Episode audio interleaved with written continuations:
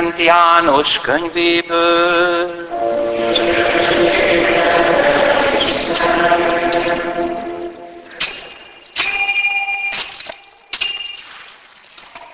Amikor a hét első napján beesteledett, Jézus megjelent a tanítványoknak ott, ahol együtt voltak, pedig a zsidóktól való félelmükben zárva tartották az ajtót.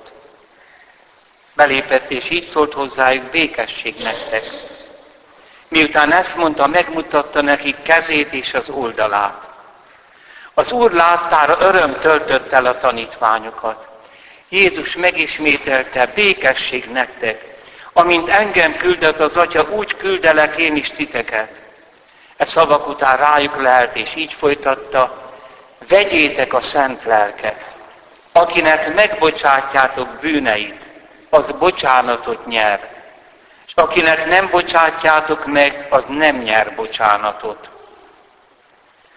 A tizenkettő közül az egyik Tamás, vagy melléknéven Iker nem volt velük, amikor Jézus megjelent nekik. Később a tanítványok elmondták neki, láttuk az Urat, de ő így szólt, ha csak nem látom a kezén a szegek nyomát, ha nem érintem ujjaimat a szegek helyéhez, és nem tapintom kezemmel oldalát, én nem hiszem. Nyolc nap múlva ismét együtt voltak a tanítványok.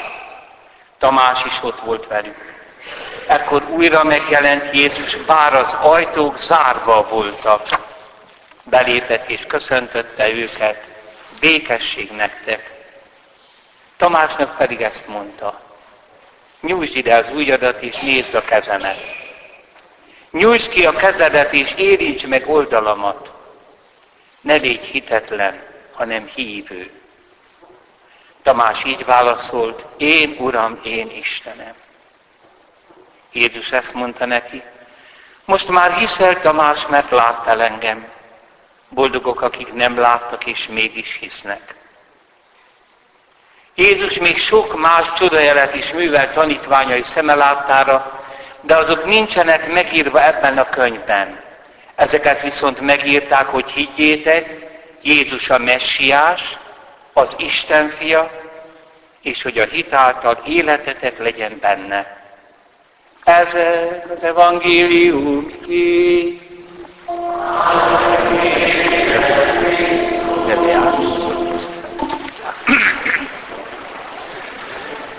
Krisztusban szeretett testvéreim, az első könyörgésben azt imádkoztuk, hogy irgalmas Istenünk, te lángra lobbantod a benned hívő népnek a hitét, amikor a húsvétot ünneplik. Mikor is lobbanna lángra a hitünk, ha nem az evangéliumokat olvasva. A mai evangéliumban is csodálatosan elénk áll az az egyedi eset, az a világ történelmet meghatározó eset, ami a názereti Jézussal történt, hogy föltámadta halottak közül. A mai evangéliumból 16. Benedek pápa segítségével három dolgot tudatosítani kell, hogy lángra lobbanjon a hitünk.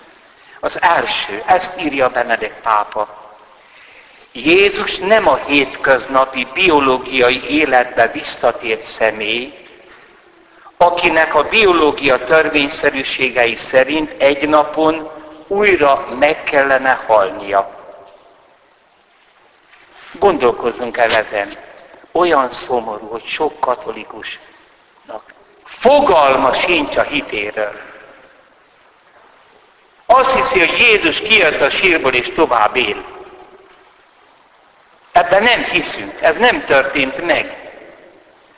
És akkor mire éri, építi a keresztény hitét? Akkor Pilátus újra elfogadta volna Jézust. Húsvétkor nem az ünnepeik, hogy a halálból vissza lehet jönni ebbe az életbe. Képzeljük el most, hogy a tudomány oda jutna, hogy reanimálna minden halottat. Képzeljük el, hogy így lehetővé lenne örökké életben maradni, a Földön. Az orvos tudomány olyan fokra emelkedne, hogy gyakorlatilag az emberek nem tudnának meghalni. Testvérek, ezekbe bele kell gondolni. Ez lenne az ateista örök élet. Vagyis Isten nélkül, bármilyen világnézettel, bármilyen erkölcsi élettel örökké lehetne itt élni biológiailag a Földön. Testvérek, ennél félelmetesebb állapotot nem tudok elképzelni. Élő halottak lennénk. Mert az ilyen életen még erősebben uralkodna a halál. Miért? Mert a halál tulajdonképpen önmagában azt jelenti, hogy nincs semminek értelme. Kész. És az ilyen életnek van értelme? Isten nélkül örök élnék. Őrület lenne. Unalmas. Abszolút csömör. Egyszerűen vágyakoznánk a halálra. A halállal egyenlő élet lenne, rosszabb lenne, mint a halál. Mert megélnénk azt, hogy nincs értelme. Meg lenne.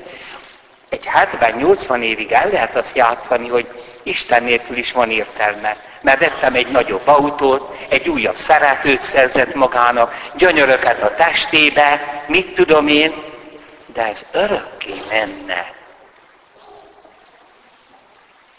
Iszonyatos értelmetlenség.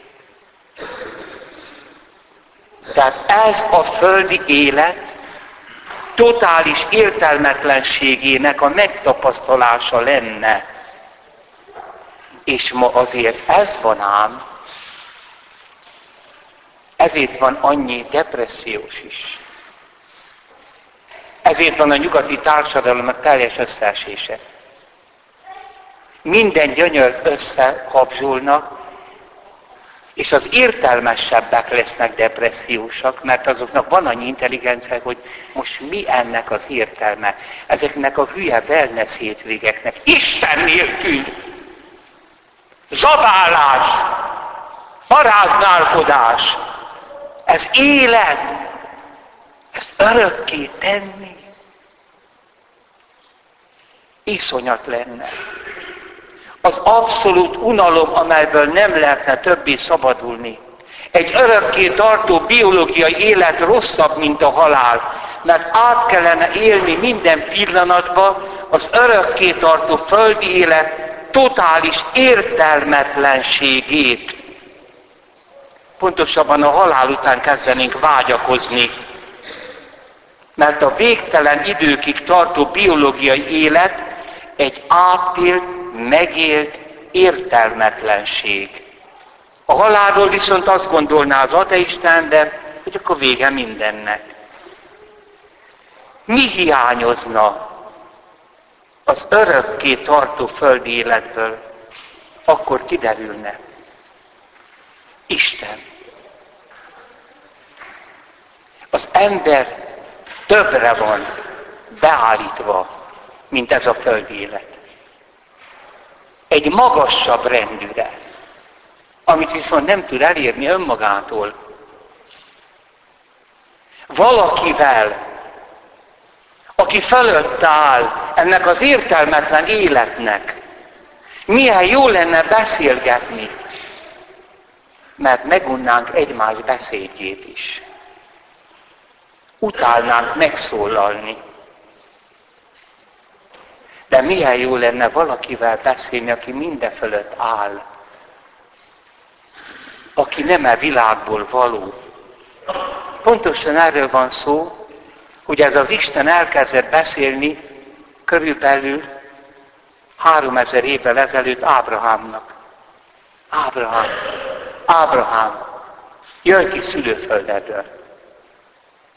És utána a proféták által állandóan ígért valamit az embernek. Persze az ember mindig földiesen értette. Egész, egészen Jézusig. Itt van ez a Jézus, aki csodákat tesz, Isten megígérte az örökkévaló király, királyságot Dávid házából, akkor most majd felszabadít bennünket. És Jézus ezt nem tette meg. Mert ez csak földi ügyeink. És ha felszabadultunk, föl vagyunk szabadulva. Elment a szovjet. És legtöbb ember még inkább rabja a pénznek, a hatalomnak, önmagának. Tehát az Isten mindig ígért valamit, de csak Jézusba teljesítette, mert azt is megígérte, hogy Emmanuel lesz. Egyszer a velünk az Isten. Hogy eljön erre a földre. Hogy az ő szenvedő és tőle elszakadt teremtményét nem hagyja magára.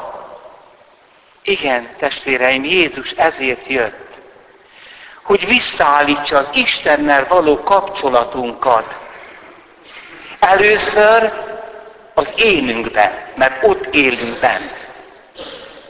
Testünket majd az utolsó napon támasztja dicsőségre. De mi volt most az evangéliumban? Rájuk lehet, és azt mondja, vegyétek a szent lelket, vagyis, aki benne hisz, az föl van véve az Isten belső életébe. Ott elkezdődött az örök élet. Vegyétek a szent lelket. Ez nagyobb dolog, mint hogyha valaki visszajön erre az élethez, újra meg kellene halni. A kereszténység az egy új minőségű élet kezdete. Egy Istennel való kapcsolat. Ez egyik vallásban sincs meg. Nem igaz. Nem mondjuk azt, hogy minden vallás egyenlő. Ez hazugság. Jézus akkor mivel tett jót azokkal, akiket visszahívott a halálból? Lázárt, Jairus kislányát, az özvegynek a fiát. Megmondom nektek, kitaláltam. Azok megérték az Úr Jézus föltámadását. Ami nem visszajövetel erre a földre, hanem egy új dimenzió megadása, felrobbantása ennek a mindenségnek. És az ő testét a dicsőségbe támasztotta fel az Atya. Ezért, kedves testvérek, amikor a szent lelket vesszük, az nem érezhető.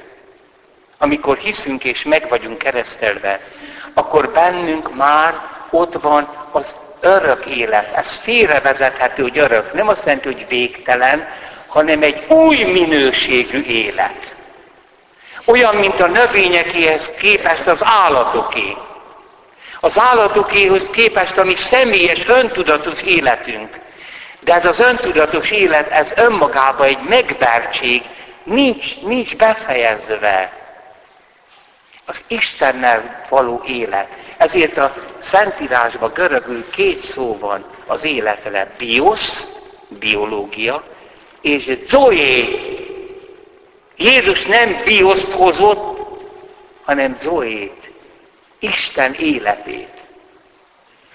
Ez az élet. Tehát már ebben az életben kell egy új életre támadni. Kedves testvérek, tehát Jézus nem egy köznapi, biológiai életre jött vissza, hiszen nem kopogott az ajtón, hanem megállt középen. Más viszonya van a föltámadt testnek a mi testünkhöz. Ez egy új világ. Másodszor azt írja a Szent Atya, a másik, a mai evangéliumban nyilvánvaló, hogy a föltámadt Jézus, idézem a Szent Atyát, nem valamiféle szellem. Ez azt jelenti, nem olyan valaki, aki tulajdonképpen a holtak országába tartozik, csak valahogy mégis meg tudta mutatni magát az élők világába. Kedves testvéreim, az Úr Jézus megjelenése ez nem egy temetői rémtörténet,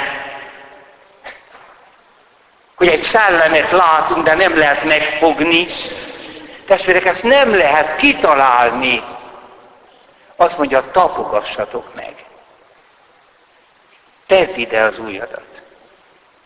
Egyébként a görögben nem az, hogy megjelent, hanem látni engedte magát. Tehát más kapcsolatban van ezzel a világgal. Itt is itt van. Hall, hallja, amit mondok. És látja, amit gondolsz. De nem engedi látni magát. Mert átment a szentségek világába. A kenyér és a bor színébe biztosan ő jön hozzám. A föltámadott Jézusnak valóságos teste van, nem szellem. Mondja is, hogy a szellemnek nincs csontja és húsa, de nekem, amint látjátok, van. De milyen csont és hús az, amely Jézus teste. Tehát van jövője a mi testünknek. Ennek át kell menni ezen. Ez elrohad. De a lélek meg van jelölve örökké ezzel a világgal. És ahogy meghaltunk abban a pillanatban, a lélek megítéltetik, és az én személyem Jézus testével már kapcsolatban van, az új világgal, és várja az egész világ beteljesedését, amikor minden életet föltámaszt. Igen, írja a Szent Atya, maga az anyag változik át egy új létmódba. Az ember Jézust most magával a testével is, teljes egészében az Isten és örök szférához tartozik. Az ember Isten a vele való kapcsolatra teremtette. Ezt már mondom én. És ez a, az ember szakított az Istennel. És ennek a következménye lett ez a fajta halál, ami félelmetes. És Isten most ott kezdi el a újjáépítést, ahol mi szakítottunk. Ádám nem a testével szakított Istennel, hanem a lelkével. A bukott angyal ö, hatására, hogy majd én magam leszek Isten. Olyanok lesznek, mint az Isten. Te nem kell lesz. Tehát az ő szelleme, az ő énje bukott el. És ennek következménye ez a fajta halál. Most Krisztus ami énünkbe beleengedi, aki hisz Jézusba, beleengedi a szent lelket, visszakapcsol az Isten életére, és ennek lesz a következménye a dicsőséges föltámadás. A halál igazi legyőzése az Istennel való kapcsolat. Nem az, hogy valaki visszajön erre az életet, hát újra meg kell halni. Ne is kívánjuk a megholtakat. Ők nem szeretnék. Tessék elengedni szeretteinket. Legtöbbször magunkat csiratjuk, mert nincs bennünk hit. Akármennyire fáj. Menjetek, ti vagytok az életbe. Majd mi utánatok megyünk. Lehet, hogy az a tisztító tűz, hogy fáj neki, hogy mi nem engedjük el az életbe őket. Vissza akarjuk ráncigálni ide, a halottak országába.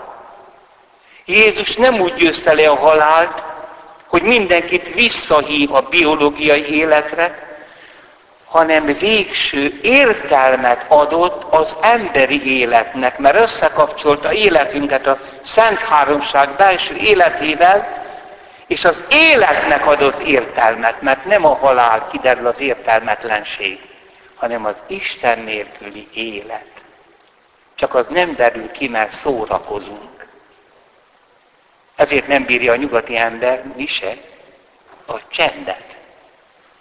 Az üresség, attól megjedünk. Pedig ott van Isten. Állandóan szórakoztatni kell. A fülbe dugott hal lehallgatóval. Egy percig sem merünk bele gondolni. Mibe? Abba, hogy az egésznek van-e értelme. Krisztus ezt adta meg nekünk és a belévetett hitünkkel az énünk átalakul, belép az ő világába.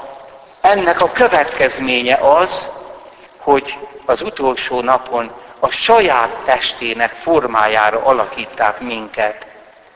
Írja a Szent hogy a lényeges, hogy Jézus föltámadása nem a halottak egyikének életre kelését jelenti. A föltámadásban, az ő föltámadásban a létezést egy olyan, olyat, azt lehet mondani a létezés egy ugrásszerű változás érte. Egy új dimenzió, amely mindannyiunkat érint. Mindannyiunk számára az életnek, az Istennel való együttlétnek a terét teremtette meg Jézus. Tehát ez nem egy vallás olyan értelemben, hogy spekulálok, hogy mi van odát, meg hogy van-e Isten. Ez nem, ez nem az. Ez élet. Ez elkezdett Istenben való élet. Tehát Jézus teste nem szellem, hanem dicsőséges test. A harmadik, amit kiemel ebből az evangéliumi részletből a Szent Atya, a föltámadottal való találkozások a misztikus tapasztalatoktól is különböznek, amelyekben az emberi szellem egy pillanatra kiemelkedik magából, és ész, észleli az Isteninek, az örökkévalónak a világát, hogy aztán visszatérje létének úgynevezett normális, mindennapi horizontjába. A misztikus tapasztalat a lélek, illetve az észlelő képesség fölemelése. Ez ugyanakkor nem jelent találkozást egy kívülről hozzám jövő személlyel. De most Szent Pál apostol nagyon megkülönbözteti, amikor a Damaszkuszi úton megy, hogy elfogja a keresztényeket, déli időben. Jézus megjelenik neki kívülről, és szól neki. Ez egy húsvéti megjelenés. Ugyanakkor megkülönbözteti azt, hogy ismertem egy embert, mondja, ez egy ókori fordulat, most magáról beszél. Aki a harmadik égig emelkedett, nem tudom, hogy hogyan. És megízlelte az isteni világot. Ez egy belső tapasztalat. A kereszténység az nem egy belső tapasztalat, hanem kívülről jött Jézus. Ez egy a történelmet megérintő tapasztalat. Így semmi közünk az összes mítikus vallással, a görög-római mitoszokkal, amely mind belül történik, meg a buddhizmussal. Az egy belső folyamat. Itt kívülről jön valaki felénk, Jézus, a föltámadottal való találkozások. Tehát összefoglalva, nem biológiai hétköznapi életre jött Jézus vissza. Ennek az életnek, a biológiai életnek egyébként is Isten nélkül nincs értelme.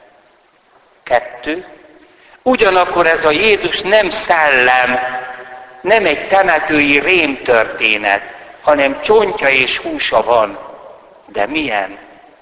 Egy új dimenzióba emelte az anyagot. És ez nem egy belső folyamat, hogy az apostolok úgy elgondolták, hogy Jézus föltámad, hanem kívülről feléjük jövő esemény. Ez van a Szent Misében. Az ostya meg a bor. Két evilági tárgy de a föltámadt Jézus teste más viszonyban van a földi testekkel. Ha ő mondja, hogy ez az én testem, ez az én vérem, a föltámadott test van benne. Minden egyes morzsába az egész Krisztus, az egész ostjába az egész Krisztus, minden csepp borba az átváltoztatás után az egész Krisztus, és az egész borban az egész Krisztus, és a kenyérben és a borban az egész Krisztus. Valahogy úgy, hogy hol van benned az én? Mutasd meg! Pedig benned van. Egy más, jel, más jelenlét. Tehát nem egy evilági test van egy evilági testben. Nem azt kell hinni egy katolikusnak, hogy a názereti Jézus ebben a testben belebújt egy anyagba. Ez abszurdum. Nem arról van szó, hogy nem tanuljuk a hitünket? Vedd meg testvére nagy katekizmus, és olvasd el három év alatt. Sok keresztény megdöbbentő dolgokat hisz, ami nem a mi hitünk. Aztán Mégis a kenyérben és a borban nem szellem van, hanem a föltámadott Jézus teste. Kívülről jön hozzám, és hova száll? Nem a gyomromba, hanem oda, ahol azt mondom, hogy én. És ott kezdődik, sarjad a föltámadás lehetősége.